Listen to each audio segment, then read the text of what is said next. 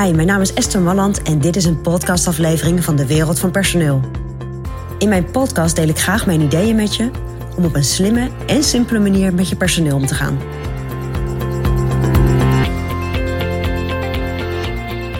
Ja, van de week had ik nog een gesprek met een, uh, met een klant van ons daarover. Een bedrijf in Nederland met uh, internationale klanten.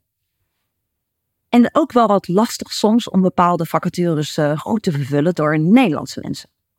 En dan zijn er in Nederland natuurlijk in toenemende mate Engelstalige werknemers. En dat hoeven geen Engelsen te zijn, kunnen natuurlijk Spanjaarden zijn. Nou, dat kan je zo verzinnen.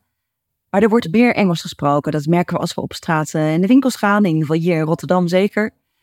Maar ik zie het binnen bedrijven ook. Dat er steeds meer medewerkers komen die niet goed Nederlands spreken. Maar wel goed Engels spreken.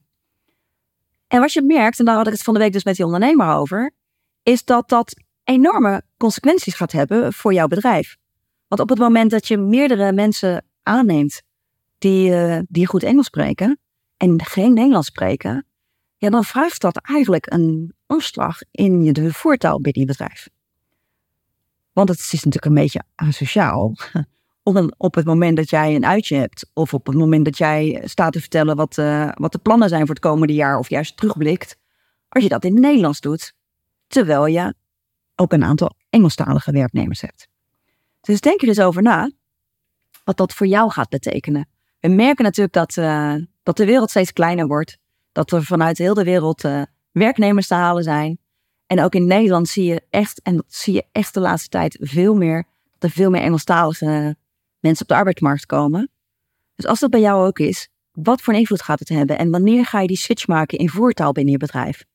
En als je die switch gaat maken, wat we bij dit bedrijf gaan doen, ja, hoe goed Engels spreken dan de mensen die uh, bij je werken? En wat zie je daar dan ontstaan? Als je dat nou, voor over twee jaar bekijkt, kan iedereen dan mee in een, uh, in een nieuwe voertaal binnen je bedrijf? En ga je dat ook schriftelijk doen of ga je dat alleen maar mondeling doen?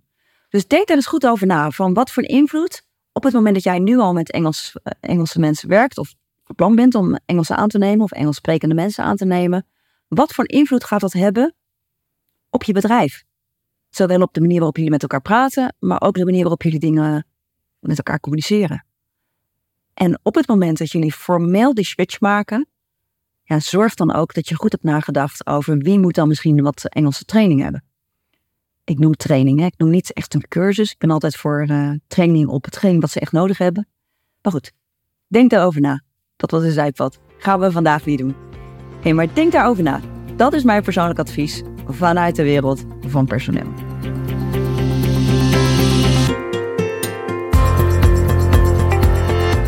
Vond je dit een interessant advies? Abonneer je dan op dit kanaal. En wil je nog meer van onze gratis adviezen?